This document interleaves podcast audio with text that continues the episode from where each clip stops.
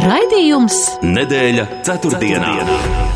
Sabiedrībā zināma cilvēku diskusija par nedēļas aktualitātēm katru ceturtdienu pēc pulksten 17. Nedēļa ceturtdienā. Projektu finansē Mēdīju atbalsta fonds no Latvijas valsts budžeta līdzekļiem.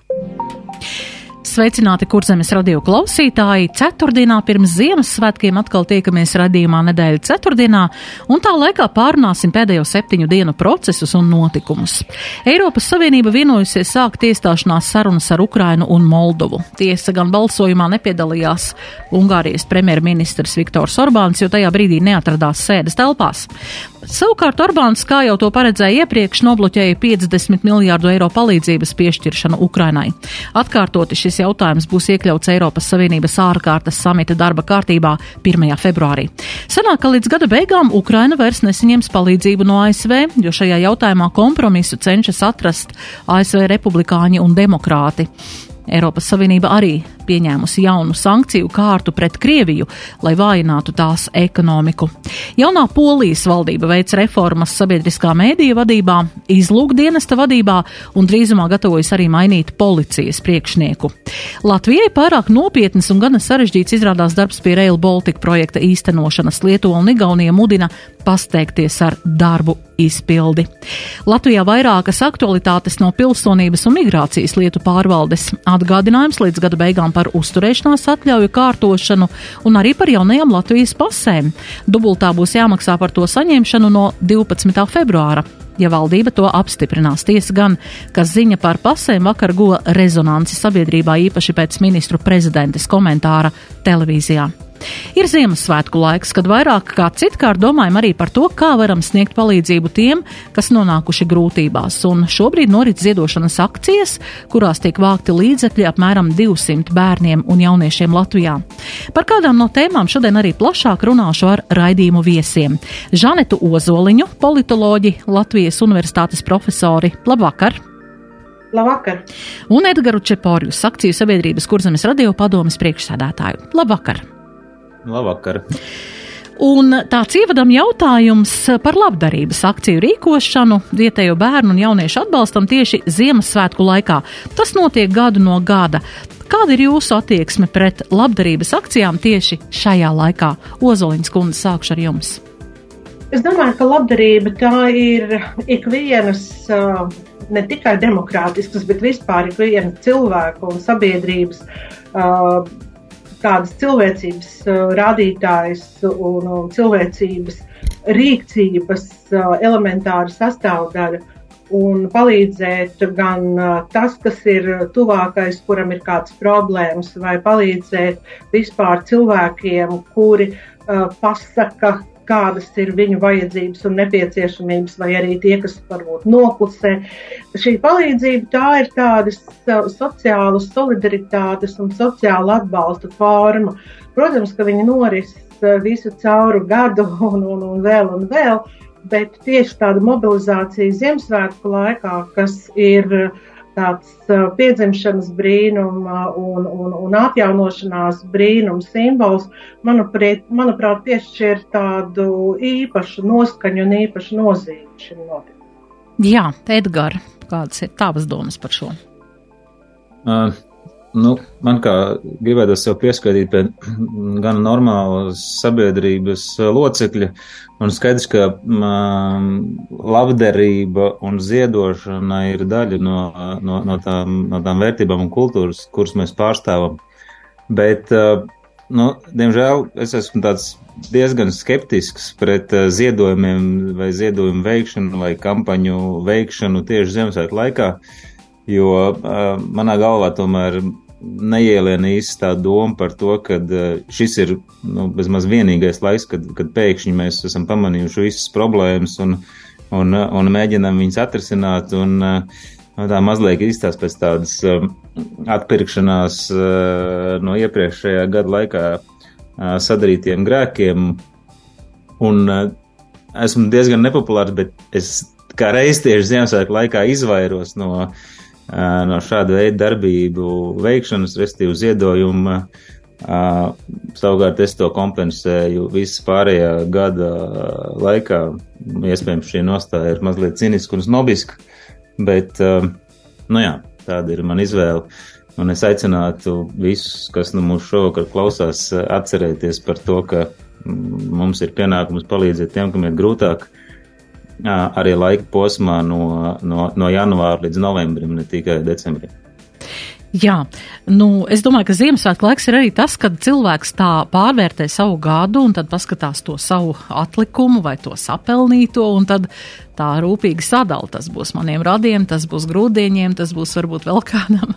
Arī tas ir tāds gada nogales, tāds tā kā atskaits, atskaits laiks. Jā, katram ir tāda savu, savu skatījums uz to, jā, bet katrā ziņā es domāju, ka vairāks, vairāk gadījumu notikumu arī ne tikai pie mums Latvijā, bet arī ārvalstīs parāda, ka nu, Latvijas cilvēki ir ar atvērtu sirdi un ir gatavi ziedot gan, gan Ukrainā, Ukrainas karā cietušajiem, arī šodien ir Austrum klīniskajā slimnīcā atvest atkal karā ievainotie karavīri ārstēšanai, un es domāju, ka mēs esam gatavi tiešām tā palīdzēt, cik varam un kam vien varam.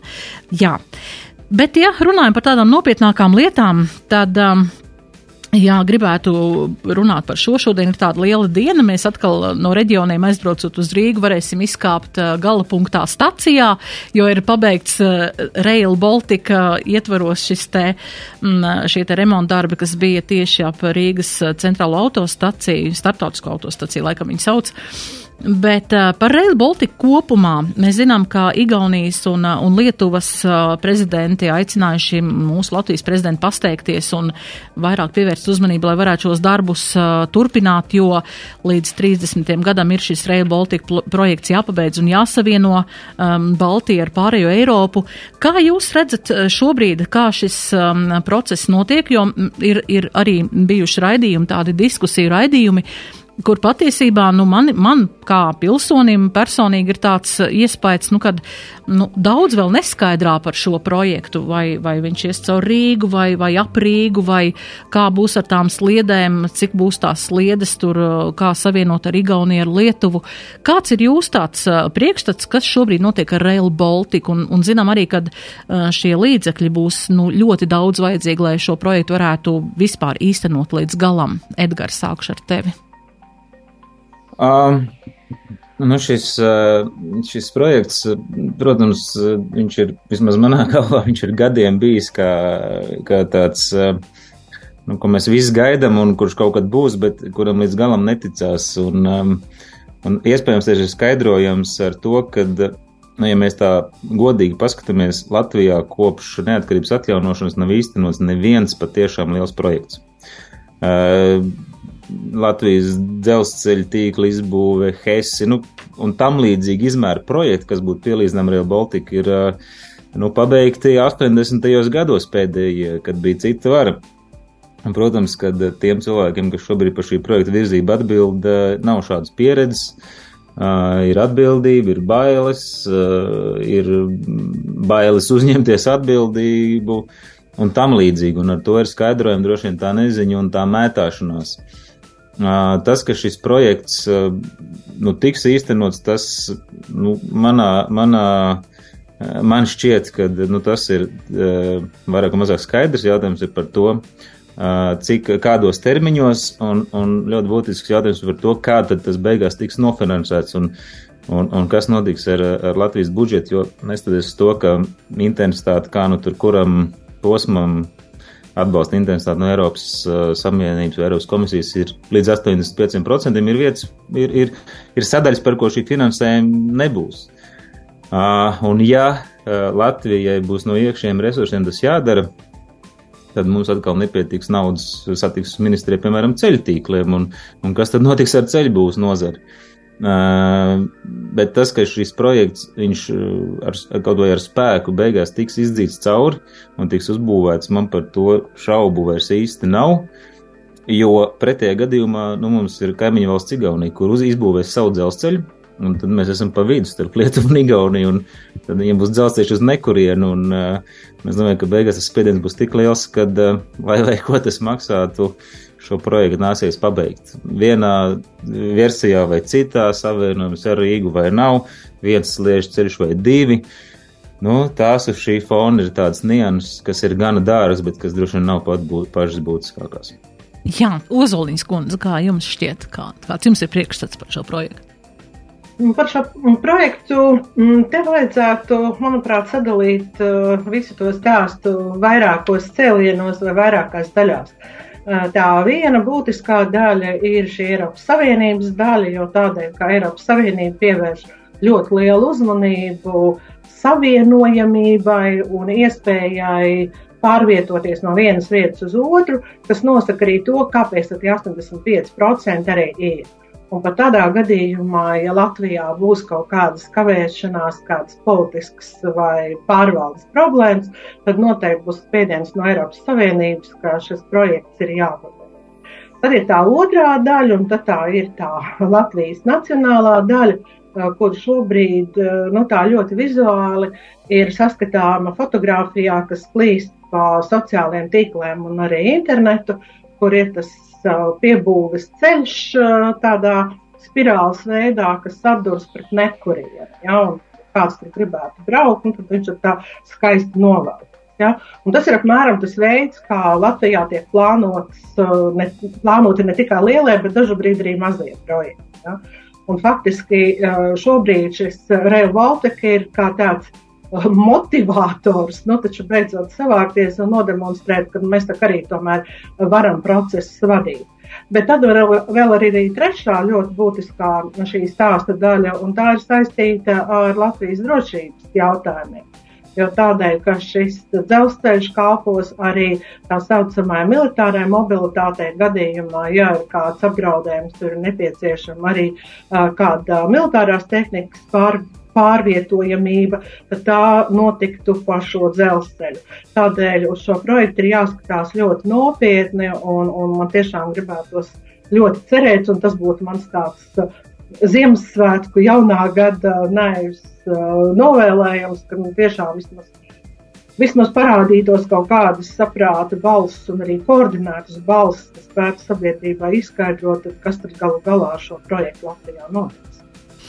Jā, nu, tādas diskusijas arī klausoties, man višķi tā arī likās, ka šajā laikā, kad jau, jau tiek tik daudz par to runāts kaimiņu valstīs, ka mums vēl nav skaidrs, vai cik būs vispār pieturu Rīgā un, un, un, un, un kā, kā vispār, kā mēs uzturēsim divas dzelzceļa līnijas, gan vietēju, gan, gan arī šo, tad, nu, patiesībā tiešām, nu, tādā Ziemassvētku laikā gribās novēlēt, nu, lai tiešām gudrība ir šiem cilvēkiem, kas to visu, uh, visu īsteno un arī tāda drosme skatīties tiešām nu, tādām, tādām šim projektam un ar drosmi to īstenot. Un arī mūsu ministra prezidenta ir apņēmusies stingri sekot līdzi šim projektam, un es saprotu, ka nākamā gada sākumā arī būs kādā no ministru kabineta sēdēm arī būs vairāk par šo uh, tiks runāts un arī ziņots kaut kā par kaut kādiem rezultātiem un ieguldījumiem, kā tie tiek īstenoti. Jā, pirms mēs, uh, pirms mēs mums ir reklāmas pauzīte, Nav mums reklāmas pauzīte, jā, ah, skaidrs, es laikam kaut ko mazliet pārpratu, bet nu tad ķersimies pie nākamās tēmas klāt, un, un tas ir um, um, par Krievijas pilsoņiem, uz kuriem attiecas imigrācijas likuma grozījumi par valsts valodas pārbaudi, un tā tad ir jās, jāpaspēj iesniegt vēl līdz gada beigām dokumenti tam, jo. Mm, par ko jau runā daudz un ilgi šeit Latvijā, un šobrīd mēs redzam, ka arī Krievijā šur tur izmanto šo te, šo te retoriku, ja kā no Latvijas tiks um, izraidīti cilvēki, ja ka viņi šeit nav vajadzīgi un visādā veidā, kā jau mums te par mums runā, ka mēs apspiežam šos nabaga cilvēkus un dažādā veidā viņus apdalām.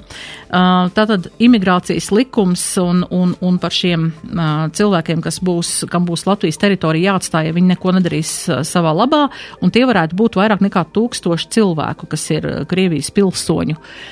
Kā eh, jūs redzat šo?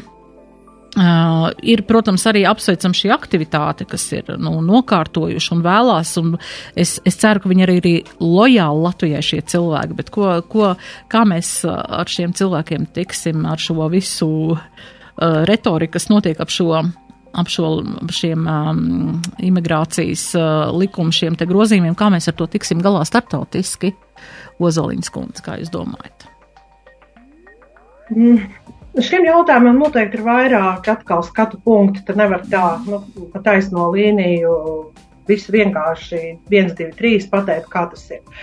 Pirmkārt, šeit ir runa par tiem cilvēkiem, kuri faktiski nav izpildījuši tās likumiskās saistības, kuras viņi paši ir uzņēmušies. Ja? Un viņi skaidri zina tos noteikumus, kuri ir jāievēro, lai viņi atrastos šeit un, un, un, un būtu uh, daļa no tiem procesiem, kas notiek Latvijā. Ja viņi neievēro šīs uh, likumiskās prasības, tad tādā gadījumā ir kaut kādas sekas. Ja? Nu, Ikvienai likuma neievērošanai ir sekas, vai tu pārkāpji ātrumu uz ceļa, ja, vai tu nepareizi nopirko mašīnu, tev ir jāuzņemās par to atbildību. Un tā atbildība arī ir jāuzņemas. Ja Latvija, piemēram, voluntāri vienkārši uz ielas izvēlētos 10, 15 cilvēkus iesēdināt viņas vilcienā, tad, protams, šeit būtu starptautiska reakcija un starptautiskas uh, kaut kādas uh, no reakcijas no politiķiem, no organizācijām, bet šeit ir runa par likumu ievērošanu. Un tas, kas to likumu neievēro, nu, tad attiecīgi ir ar to jārēķinās. Bet um, man pašai vēl ir neskaidrs tas jautājums, vai no tiem tūkstošiem cilvēkiem, kurus šobrīd piemin PMLP, uh, vai ir skaidrs, ka viņi šeit tiešām dzīvo. Jo mēs arī zinām, ka uh, tie cilvēki, kuri šeit ieguva uzturēšanās atļaujas, viņi jau viņas ieguva arī tāpēc, lai uh, vienkārši viņiem būtu tā Schengens vīza. Ja? Tātad faktiski mēs pat reāli nezinām konkrētu tos cilvēku skaitu, uz kuriem tad eh, šie pasākumi attieksies. Ja? Eh, tā kā es uz to skatos diezgan mierīgi, es domāju, ka Latvijā šeit nekāda tāda dīvaina retorika nav, jo tāpēc ikvienam ir skaidrs, ka nav runa par Latvijas pilsoņiem vai pat par Latvijas nepilsoņiem, te ir runa par Krievijas pilsoņiem. Tas, ko runā Krievijā, nu, Krievija vienmēr runā. Viņa vienmēr ir runājusi un arī runās turpmāk. Ja?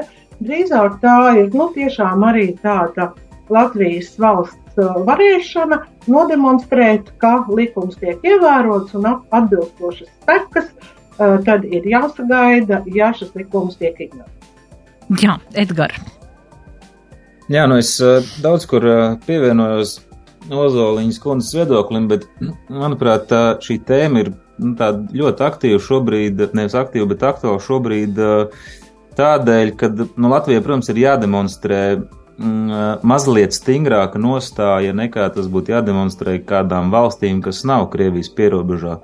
Un, un, un iespējams tādēļ, nu, šķiet, ka šis, šis termiņš, kurā nu, šie potenciāli izrādāmie cilvēki varētu nokārtot saistības pret Latvijas valsti, šķiet īs, jo 30 gadus jau nav parādīt šis mugurkauls. Un, uh, un, un skaidrs, ka, ja būtu pirms 15 gadiem šāda likuma grozījuma veikta, tāpat uh, ar tiem cilvēkiem, kuriem kur, kur šeit neusturās dēļ Schengens vīzām vai tam līdzīgi, bet ar pamatiedzīvotājiem, kaut arī Krievijas pilsoņiem, tāpat viņi šo problēmu, neskatoties to, ka būtu garš pārējais periods, risināt pēdējā, pēdējā mēnesī, jo, nu, diemžēl tāda ir cilvēka daba.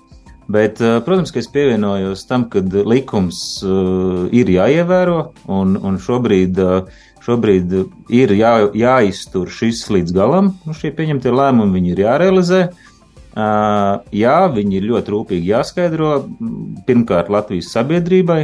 Protams, ka Krievijas sabiedrībai nav jēgas viņas skaidros, jo Krievijas propagandas mašīna pat no viena atsevišķa gadījuma izveidos veselu stāstu par, kas jau tiek veidot par uh, par eh, pensionētām kundzītēm, kuras nespēja pašas pārvietoties, kuras tagad sliktā Latvijas valdība dzēn ārā no viņu mājām, eh, ko mēs zinām, ka tas tā nav. Eh, bet kaut vai Latvijas sabiedrībā šis ir gan plaši jāskatro, un, un iespējams, ka nu, nav šis skaidrošais darbs joprojām netiek veikts pienācīgā apmērā. Un kāds, kurš ir čaklāks skaidrotājs, pat ja tas ir propagandas izplatītājs, uzvar šajā informācijas telpā un karā. Jā.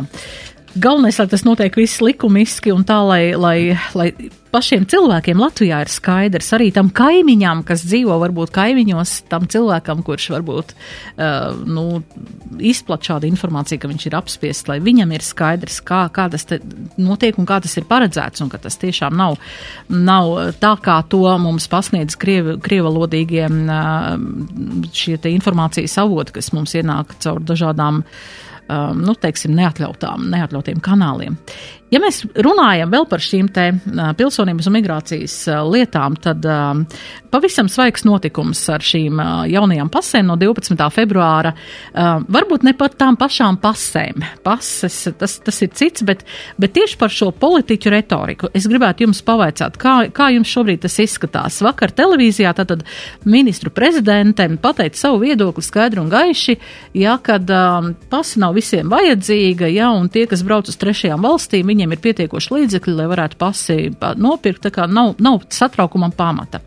Šodien mūsu ministra prezidents savukārt izsakās pavisam citādāk, sakot to, ka tomēr, nu, pasi ir svarīgi, jā, un, un ka būs jānoskaidro līdz galam, kur ir veidojusies šāda cena, bet uh, Siliņas kundzes tas. Um, Teiktais nāca pēc tam, kad uh, iesaistījās šajā procesā uh, mūsu valsts prezidents Edgars Rinkēvičs, pasakot, ka nesaskata pamatu šādam pasu nodevas pieaugumam un arī opozīcijas deputāta prasa iekšlietu ministram skaidrot pasu izsniegšanas maksu šo uh, gaidāmo dubultošanos, un tad arī Siliņas kundze nāk, ka tomēr viss noskaidros, kāpēc ir šī tik dārgas pases, bet ka lielai sabiedrības daļai pas nav izvēle, bet nepieciešamība. Šodien ir šāda retorika mūsu ministra prezidentei.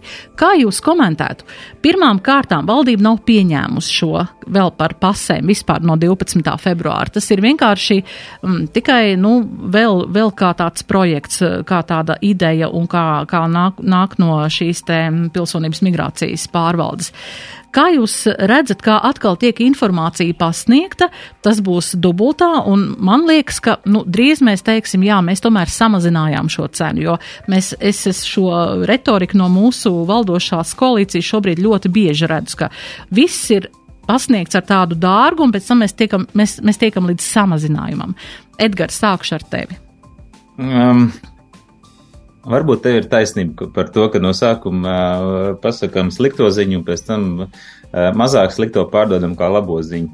Bet uh, mūsu premjeras uh, izteikumu vakardienas uh, par šo neveiksmīgu, protams, ka šis bija neveiksmīgs izteikums. Es, pir, jā, jā, es pirmkārt uh, skaidrot ar to, ka viņai šis jautājums tika uzdots nesagatavotai, jo es esmu mazliet paskatījies uh, Seliņas kundas intervijas, uz kurām viņa ir aicināta, un uh, Un reizēm ir sajūta, ka viņa mm, tiek speciāli sagatavota, nu, prognozējot jautājumus, kurus uzdod žurnālisti, viņai ļoti labi sagatavots atbildes, noslīpēs tā, ka neko pielikt, neko atņemt. Un vakardienas jautājums, kā reiz izskatījās pēc tāda, nu, kas cilvēkam, kas bija uz mēles, to arī pateica. Restīvi, Uh, nu, cilvēks nebija sagatavojies. Šodien bija daudz, daudz labāka sagatavotība, un tad nu, mēģināju šo kļūdu labot. Uh, Tas, eh, tas ir tas, ko es par eh, premjeras izteikumu gribētu teikt. Varbūt es kļūdos, varbūt, eh, varbūt tiešām, bet es ceru, ka tā nav, ka premjera uzskata, ka pasa tiešām nav obligāta cilvēkam. Es uzskatu, ka pasa ir tomēr obligāta, varbūt esmu mazliet vecmodīgs, bet nu, man ir abi šie dokumenti, gan pase, gan, gan personas apliecība, bet, bet komentārs par to, ka cilvēkiem nav ko braukt uz trešajām valstīm, nu, atgādināšu, ka Lielbritānija šobrīd ir trešā valsts, un es nezinu, cilvēkiem dzīvo ģimenes locekļi, braukt uz svētkiem, Ziemassvētkiem, bērēm un tam līdzīgi. Mm, ja, ja šis izteikums bija domāts no sirds, tad tādā, tādā gadījumā es uzskatu to par ļoti cinisku izteikumu. Jā, Ozolīns kundze. Nu, šajā gadījumā man gribētos teikt, ka PMLP ir tā iestāde, kurai ne tikai komunikācija klibo, bet viņai viņa vienkārši ir briesmīga. Jo mēs atceramies gada sākumu un jāsgu ar ar, ar, ar pasu nomaiņu un ID nomaiņu. Tikko mēs esam izgājuši cauri šai epopējai un puslīdz nomierinājušies, un mums jau viss būtu kārtībā, pēkšņi nāk ziņa atkal par kādām jaunām uzlabotām pasēm. Uh, šajā gadījumā, atklāti sakot, man pat ne tik daudz tā cena. Uh, radīja problēmas manā domāšanas procesā, bet Kā, nu, bet taču tikko jau nomainīja. Ja? Nu, nu, nu, burtiski mēs jau nerunājam par kaut kādu 5, 6 gadu laika periodu. Mēs runājam par pusgadu, ja? un, un atkal jau kaut kas. Ja tas tiek gatavots, tad tādā gadījumā tai ziņai bija jābūt ļoti skaidrai, ja uz kāda pamata, balstoties uz kādām diskusijām, sarunām, argumentiem tas tiek darīts. Ja? Bet šobrīd tas ir nu, tā, iemet karstu kartupeli cerībā, ka viņš nokritīs zemē, neviens nepamatīs, bet izrādās kāds paķer rokā un, un, un sākās viss šī diskusija. Ja. Uh, runāt par to, ka pasas uh, nu, nebūs vajadzīgs, tas, protams, ir, manuprāt, arī tāds uh, nepārdomāts izteikums varbūt visu šīs spiediena rezultātā, jo mūsdienās cilvēki ceļo ne tikai pa Eiropas Savienību, bet viņi ceļo pa visu pasauli. Ja? Un, jau, piemēram, tāpat Amerika vai Kanāda, ja? Uh, kur cilvēkiem jābrauc arī darba darīšanās, ne jau tikai atpūtas braucienos. Un tad faktiski bez pasas neko iesākt nevar. Ne? Un teikt, ka, ja es braucu uz Ameriku vai Kanādu, es tāpēc varu samaksāt 60, jā, bet es gribu saprast, kāpēc. Ja? Un tā atbilde, kāpēc tas tiek darīts, viņa nav pietiekami skaidri un tieši novadīta līdz sabiedrībai. Bet tā ir tipiska PMLP problēma. Jūs varat ņemt jebkuru jautājumu, kas attiecas uz šo iestādi, un jūs nedabūsiet skaidru.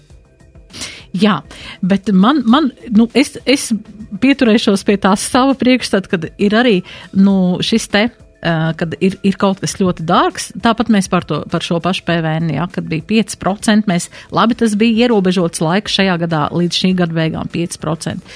Tad bijām nevis, ka mēs palielinām uz 12, bet ka mēs samazinām uz 12, jo tāpēc, ka no nākamā gada ir 21%, un mēs samazinām. Un, un tāpat arī bija ar šiem te, vēl bija ar, ar šiem tarifiem, ar, ar, ar ko, un, un tad, kad es izdzirdēju, ka būs dubult šī, šī samaksa, un, un, un kad vēl nemaz no tas pieņemts, man atkal ieslēdzās tas pats, ja, ka tūlīt mēs runāsim, jā, mēs samazinājām, mēs, mēs atkal samazinājām. Mums ir uh, reklāmas pauzīte, un tad mēs turpināsim. Nedēļa ceturtdienā. Šodien depo redzēja simts Ziemassvētku vecīšus. Simts! Kur? Depo ņem ratiņus un pats būsi Ziemassvētku vecītis. Tur ir eglītes, rotājumi un dāvanas gan sapņotājiem, gan darītājiem. Depo ir viss - ziemas darbiem, priekiem un svētkiem, un zemes cenas katru dienu. Sirsnīgo dāvanu laiks Given veikalos ir klāt. Izvēlies rotas lietas no svētku kolekcijas ar brillantiem un ietaupi līdz pat 40%. Iepērcies ērti un izdevīgi Given.CLV un Given veikalos visā Latvijā. Given atklāja savu rotas lietu pasauli! Ko dāvināt svētkos? Žurnāla abonements ir lieliska dāvana Ziemassvētkos, kas priecēs tevi vai tavus mīļos visu gadu. Ieva, Santa, klubs, privātā dzīve, lauka māja, deko, mans dārs, ievas stāsti, ievas padomā avīze un arī citi žurnāli par svētku cenām tikai līdz 24. decembrim. Tikai mani žurnāli LV. Abonē jebkuru žurnālu bez komisijas maksas nākamajam gadam un izdrukā abonementu kā dāvanu karti, lai taviem mīļajiem prieks! Sabiedrībā zināma cilvēku diskusija par nedēļas aktualitātēm. Nedēļa ceturtdienā. Un mēs turpinām sarunu raidījumā. Šodien raidījuma viesi šai vakarā Žaneta Ozoliņa un Edgars Čeporjus. Jā, Eiropas Savienība pieņēmusi jaunu, jau 12. sankciju kārtu pret Krieviju par tās karu pret Ukrainu un sankcijas aizliedz arī Krievijas ienesīgo dimantu eksportu. Um, vai, vai tā runājot par šīm sankcijām, bet mēs tomēr redzam, ka joprojām karš turpinās un, un lai nu kā, bet nu šobrīd. Uh, dažādi ir šie, šie, šie viedokļi un šie mm, komentāri par to, kā šobrīd Krievijā, Krievijas ekonomika dzīvo, bet mēs zinām, ka Krievijas ekonomika šobrīd ir vērsta uz tāda kara ekonomika. Tātad visu lielu daļu šos līdzekļus tomēr mm, paredzēt kara darbībai, kara turpināšanai. Ozoliņas kundze, varbūt paraksturojiet šo tagad 12. kārtījumu. Tātad ir jābūt jau nu, kādam redzamam rezultātam. Ko mēs redzam no šīm sankcijām? Kā mēs esam ietekmējuši Krievijas tādu ekonomikas tādu procesu? Būtu aplami iedomāties, ka tās sankcijas, kuras Eiropas Savienība jau tagad 12. reizi pielieto, ka viņu mērķis ir apturēt karu vai kaut kā ļoti būtiski iespaidot Krievijas ekonomiku. Šīm sankcijām vairāk ir politiskā vēstījuma raksturs, morāls un vērtību zināms principu raksturs, bet viņam arī ir kaut neliels, bet tomēr arī ekonomisks efekts. Bet, principā, to jums pateiks ik viens sankciju eksperts, ka Krievijas gadījumā varētu nostrādāt tikai uh, tieši uz energoresursiem mērķētas sankcijas. Ja tas būtu, tad tādā gadījumā uh, Krievijas ieņēmumi uh, nevis apstātos, bet viņi samazinātos, jo nu, tas ir galvenais uh, faktiski mm, barības avots. Un pat tādā gadījumā, kad arī uh, Eiropas Savienībā parādījās šī enerģētikas komponenta sankcijās, tad Krievija uh, ļoti ātri pārorientējās uz citām valstīm un faktiski kompensēja to iztrūkstošo ieņēmumu. Tā kā tas mans secinājums un mans skatījums ir sankcijām, ir nevis tas, ka uh, Eiropas Savienība tagad kaut ko ļoti būtiski ietekmē Krievijas iekšpolitiskajos procesos, bet drīzāk, ka Eiropas Savienība skaidri pauž savu viedokli, kāds, kāda ir tās pozīcija attiecībā uz Krievijas izraisīto agresīvo karu, plašu mērogu karu Ukrainā. Jā, protams, gribētos, lai šīs sankcijas būtu ievērojamākas, lielākas un tā tālāk, bet mums ir jādomā un jāņem vērā to, ka tās ir 27 dalībvalstis ar visnotaļ daudzveidīgām interesēm, un tādēļ varbūt tas, te, protams, varētu būt ļoti daudz kritikas, bet, manuprāt, ir viena ļoti būtiska lieta šīm sankcijām, ka viņas sūta ļoti svarīgu vēstījumu to, ka neraugoties uz šiem daudzveidīgiem viedokļiem, tomēr jau 12. kārta, 12. kārta Eiropas Savienības sankcijām, neraugoties pat uz to, ka Orbāns vienā vai otrā gadījumā uh, sevi parāda nevienmēr tajā labākajā gaismā. Ja? Tā kā nevajag likt pārāk liels cerības uz sankciju mehānismu. Jā, Edgar, vai tev būtu kaut kas piebilstams šim? Uh, nu, es atkal varu tikai piekrist, jo mm, skaidrs, ka šīm sankcijām tāda būtiska ekonomiska efekta priekš Krievijas, priekš Krievijas ekonomikas nebūs. Ne tik būtiski, lai, lai pēkšņi Krievija mainītu savu, savu, savu nostāju un, un atteiktos no tā, ko viņš šobrīd dara Ukrainā. Jā, un šie mēģinājumi, nu, atkal tur ir personu lokus, kurus personiski skar šīs sankcijas. Es domāju, ka šīs personas ir ar to reiķināšanu gan pieradušas un pielāgojušās tam nērtībām, kas viņiem ir, un, un pat ja viņi nav, tad, tad tas mērķis izdarīt spiedienu uz to, nu, kā tas saucās, Putina iekšējais lokus, nu, viņš acīm redzot, ir vismaz šobrīd viņš cieši neveiksmi. Kas mums jāņem vērā, ka Krievija ir tik liela valsts, ka viņi ir gan pašpietiekami. Viņi prot spēj saražot uh, to minimumu lietu, ko viņiem vajag. Savukārt tie ļaudis, kas, ka, kam ar to nepietiek, ir atraduši gana daudz un gan labus veidus, kā apmierināt savas vajadzības. Bet uh, tas, tas, kas mums jāņem vērā, ka vidējais Krievijas iedzīvotājs visticamāk ir gatavs samierināties ar daudz zemāku dzīves kvalitāti nekā, nekā tā, pie kuras esam pieraduši mēs. Uh, Līdz ar to nu, šie cilvēki vienkārši samierinās, jo nu, es pieņemu, ka tiešām ir ļoti daudz cilvēku Krievijā, kuriem ir daudz svarīgāk, ka viņiem ir šis viens, viens vadonis, kur viņi redz uh, no rīta vakarā pa dienu pa televizoru, rādio avīzēs plakātos, un, un tā ir viņa lielākā vērtība, un, un, un, un, un sausā to likt priekš viņiem nav nērtība. Eiropiešiem ir savādāk, un, un, un, un mums ir jāatcerās, ka Krievija, kā mēs šobrīd to redzam, ļoti mērķtiecīgi virzījās uz to, ka Eiropa tika uzsēdināta uz Krievijas energoresursu adats. Un, un, un, un kādēļ tikai otrā gada beigās, kā otrā gada beigās ir 12. sankciju pakete, un kādēļ šo nevarēja vienā paketē ieviest? Tādēļ, kad Eiropa jau būtu pati cietēja, jo tad mums nāktos izslēgt uh, liela daļa spēkstaciju un, un, un, un, un apturēt ražošanu. Līdz ar to, jā, nu šīs sankciju pakets tas ir tāds vairāk publicitātes pasākums ar zināmu ekonomisku efektu, bet tā galvenā ziņa droši vien ir tāda, ka uh, Eiropas Savienība ir vienota ar Ukrainu. Tas droši vien ir pats svarīgākais. Jā, to apliecina arī, ka Eiropas Savienība ir vienojusies sākt iestāšanās sarunas ar Ukrainu un Moldovu. Un uh, ir tāds, jā, moments, ko, kas tie arī medijos ir apspriests un skatīts par šī Ungārijas premjerministra tā brīža neatrašanos telpā, kur notiek balsojums. Uh, ko tagad šis, nu, mēs zinām, ka, nu, kamēr Ukrainā ir karš, nu, tas process nevar notikt uh, pirmkārt ātri un otrkārt, kamēr tur ir konflikts.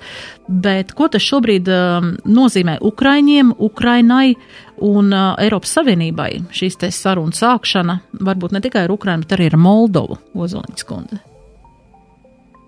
Uh, jā, nu šis jautājums, protams, ir ārkārtīgi plašs un par viņu varētu runāt ilgi un dikti no dažādiem skatu punktiem, uh, bet es domāju, ka mm, šeit ir vairāki ļoti būtiski secinājumi, kas būtu jāizdara.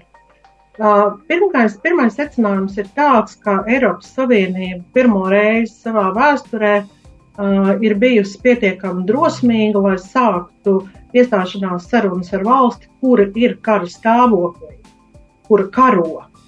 Un šī ir tiešām visnotaļ unikāla situācija ne tikai Ukrainai, jo šeit būtu jārunā par divām pusēm, ja? bet šī ir ļoti unikāla situācija arī pašā Eiropas Savienībā. Un kā reiz šis kara elements bija tas, kas līdz galam neļāva būt pārliecinātam līdz Eiropadomē, ka tik tiešām šis lēmums tiks pieņemts, Jo iekšpolitiski daudzās valstīs bija šis jautājums, kā tas ir vest sarunas ar valsti, kur ir kara stāvoklī. Pie tam uh, kara stāvoklī ar valsti, uh, nu, no kuras Eiropas Savienībai ir nu, diezgan vēl, teiksim tā. Ja? Uh, tātad pirmkārt, pirmkārt, šis ir uh, vēsturisks moments no šī skatu punkta raugot. Otrakārt, gan Ukraina, gan Moldova savu tā saucamo eiro integrāciju bija sākusi jau ļoti sen. Nu, faktiski mazliet tad, kad mēs sākām savu ceļu, tad arī Ukraina un Moldova sāka virzīties. Bet nu, tas ceļš bija ērkšķiem kaisīts un negāja viņš viegli. Un līdz ar to tas vēstījums, kas no Eiropas Savienības tika sūtīts Moldovas un Ukrainas uh, iedzīvotājiem, bija, nu jā, nu vienu brīdi, tad, kad jūs būsiet gatavi un tad, kad jūs būsiet izlēmuši, nu tad varbūt vienu brīdi. Ja? Un tad iestājās tāds um, neveikls stāvoklis, ka uh, Ukraina un Moldova klauvē pie Eiropas Savienības durvīm un Eiropas Savienībai vispār nav viedoklis. Ja? Uh, Tātad šajā gadījumā tas otrs pozitīvais rezultāts ir tāds, ka šis viedoklis beidzot ir un no tādas uh, vienkāršas attiecību stadijas starp Eiropas Savienību un šīm divām valstīm var virzīties uz iestāšanās procesu. Trešais pozitīvais um, secinājums no visas šīs stāsta ir tas, ka, ja nenotiek iestāšanās sarunas, tad valsts var izvēlēties. Nu, kaut ko es daru, kaut ko es nedaru. Ja? Nu, šodien es pacīnīšos ar to korupciju, rītā, nu, rītā es aizmirsīšu. Ja? Šodien es piešķiršu uzmanību preču kvalitātei, nu, rītā es aizmirsīšu. Ja? Iestāšanās sarunas, nu, kaut kādu tādu bīdīšanos turpat atpakaļ, principā padara ļoti sarežģītu. Jo katru gadu, kad notiek, nu, pat, pat ne katru gadu, bet tad, kad sākās tās iestāšanās sarunas, tad valsts uzņemās pienākumus, kurus viņi pildīs. Un, ja viņa nepildīs, piedodiet, tad viņu neuzņems. Ja? Un šī ir tā trešā ļoti būtiskā lieta, jo Eiropas Savienība ir diezgan skaidri pateikusi, ka jā, mēs saprotam īpaši Ukraiņas gadījumā, ka, nu, ka jūs esat šajā kara situācijā un ka daudzas lietas jums izdarīt ir krietni vien grūtāk. Nu, ļoti grūta nekā citām, bet ir tomēr tāds darbiņu komplekts, un tas darbiņu komplekts ir nosaukts diezgan skaidros tekstos, vārdos, kas ir noteikti jāizdara. Ja? Un līdz ar to tas palīdz arī tai pašai Ukrainai mobilizēties un koncentrēties uz tiem obligātiem darbiem, kas ir jāpadara, lai šo iestāšanās procesu strauji virzītu uz priekšu. Un šeit mēs nonākam nu, faktiski eh, pie tā punkta, ar kur mēs sākām ar to solidaritāti un palīdzību. Ja? Eh, ka uh, Ukrainai šajā iestāšanās ceļā ir ļoti stabili advokāti un palīgi, tā skaitā trīs Baltijas valsts un Polija kura tad ne jau vienkārši labdarības akciju veidā, bet mērķiecīgas politikas veidā, tad arī palīdzēs šo iestāšanās procesu virzīt uz priekšu. Ar Moldovu ir nedaudz savādāk. Tur varētu teikt, ka nu jā, tur kara nav, uh, un šai valstī varētu būt vieglāk iestāties Eiropas Savienībā. Kas patiesībā nemaz tā nav. Jo tādēļ, ka Moldova savos centienos kļūt par Eiropas Savienības dalību valsti, ir bijusi krietni lēnāka, ir bijusi nu, neveiklāka, nu, daudzi darbiņi nav padarīti. Un faktiski arī, arī, arī Moldovai ir šis pieņestras jautājums, kurš vienā vai otrā brīdī arī var sprāgt un radīt tai problēmas. Tā kā faktiski Moldovai šobrīd ir gan jākustās ātrāk, gan arī ir jāparedz, kas varētu sekot gadījumā, ja Un, protams, ka šī valsts arī ir krietni vien trūcīgāka nekā Ukraina, lai šos darbus paveiktu. Tā kā politiskais vēstījums ir, bet Eiropas Savienība ir mācījusies no Rumānijas un Bulgārijas neuzņemt valstis, kuras nav gatavas. Ja? Tā kā, jā, kā es teicu, vēstījums ir, bet ja šīs valstis neizdarīs tos obligātos darbus, ko Eiropas Savienība prasa, tad nebūs balsojums par uzņemšanu. Jā. Uh, Orbāna faktors šajā visā procesā, Edgars, kā tev izskatās? Uh, ja godīgi, Orbāna faktors ir uh, viens no, viens no mistiskākajiem faktoriem. Uh, Vispār, kas šeit ir noticis, bet ir nu, pilnīgi skaidrs, ka tas, uh, ka tas kas notika, tas bija, tas bija tirgus. Un uh, Orbāns, un, un, un mēs jau apmēram zinām, ko Orbāns ietirgoja uh, līdzekļu atbloķēšanu, bet visdrīzāk, uh, visdrīzāk uh, tas, nav, tas nav vienīgais, ko viņš ietirgoja, un, un ir skaidrs, ka šī svira, uh, tirgošanās svira uh, paliks viņa rokā, un, protams, rokās. Protams, nav nejausmas, vai Orbānam ir ambīcijas kļūt par Eiropas līmeņa spēlētāju un procesa ietekmētāju, vai, vai šī, šīs ir darbības, kas vērstas uz iekšpolitiku, lai viņš saglabātu popularitāti arī turpmāk uh, uh, Ungārijā. Bet, uh, jā, nu, diemžēl ņemot vērā šo Eiropas Savienības lēmumu pieņemšanas formu, mm, es redzu, ka šī būs problēma Eh, gan attiecībā uz Ukrainu, gan attiecībā uz Moldovu un iespējams arī uz citiem svarīgiem jautājumiem, eh, kas, eh, kas skars lielus jautājumus attiecībā uz lēmumu pieņemšanu Eiropas Savienībā. Jā, Ozoliņš kundze, vai jūs varat kaut ko vēl piebilst minūtītes laikā nu, apmēram? Es domāju, ka Eiropas uh, Savienības dalību valstu vadītāji jau ir noguruši no Orbāna fenomena. Un es domāju, ka tuvākā laikā tiks meklēti uh, tādi risinājumi, lai lēmumu pieņemšanā nevajadzētu vairs rēķināties ar vienas vai otras uh, dalību valsts līdera viedokli. Jo tā ir bijusi laba mācības stunda. Jā, protams, ka tas, kas notiek aiz slēgtām durvīm, tā ir tirgošanās, bet visas valstis tirgojās. Ja? Šajā gadījumā, manuprāt, godu nedara tas, ka viens no tirgošanās elementiem ir situācija Ukrainā. Uh, bet Orbāns noteikti ir vairāk iekšpolitiski vērsts. Viņam ir ļoti svarīgi uh, saglabāt savu bagātību, jo viņa bagātība ir tiešā veidā atkarīga no viņa politiskā statusa, kur viņš atrodas. Un tādēļ arī uh, tik daudz uh, tiek likts uz, uh, uz, uz šīs vienas iekšpolitiskās likmes, jo nu, viņam bagātība ir nu, viņa eksistences uh, sastāvdaļa. Ja? Bet, jā, tā mācību stunda ir bijusi Eiropas Savienībā, manuprāt, diezgan sāpīga, un tāpēc risinājumi tiks meklēti. Jā, tā ir arī apsolījusi vadība, ka tiks meklēt risinājumu, lai nevarētu Orbāna kungs šādi ietekmēt eh, lēmumus, eh, kas ir jāpieņem būtiski Eiropas Savienībai. Nu, ko man jāsaka šai vakarā? Paldies jums par sarunu, ka atradāt laiku mūsu klausītājiem arī pakomentēt šos notikumus un procesus. Vēlu jums mierpilnus, sirsnīgus Ziemassvētkus un tādu radošu jauno gadu, un lai radošums izpaužās nākamgad, kad atkal tiksimies, lai tādās idejās un viedokļos, lai tas ir, lai ir interesanti klausītājiem. Tātad sarunājos ar politoloģi, Latvijas Universitātes profesori Žanetu Ozoliņu. Paldies jums! Paldies! Un ar akciju sabiedrības kurzemes radio padomas priekšsēdētāju Edgaru Čeporius. Paldies tev, Edgar! Paldies, tev arī! Radījumā, radījumu producēja Anda Andersone, pie skaņu pults bija mans kolēģis Emīls Kuplais, radījumu vadījies Dace Blūma. Uz tikšanos turpmāk! Raidījums ceturtdienā. ceturtdienā. Sabiedrībā zināma cilvēku diskusija par nedēļas aktualitātēm katru ceturtdienu pēc pulksten 17. Nedēļa ceturtdienā. Projektu finansē Mēdīju atbalsta fonds no Latvijas valsts budžeta līdzekļiem.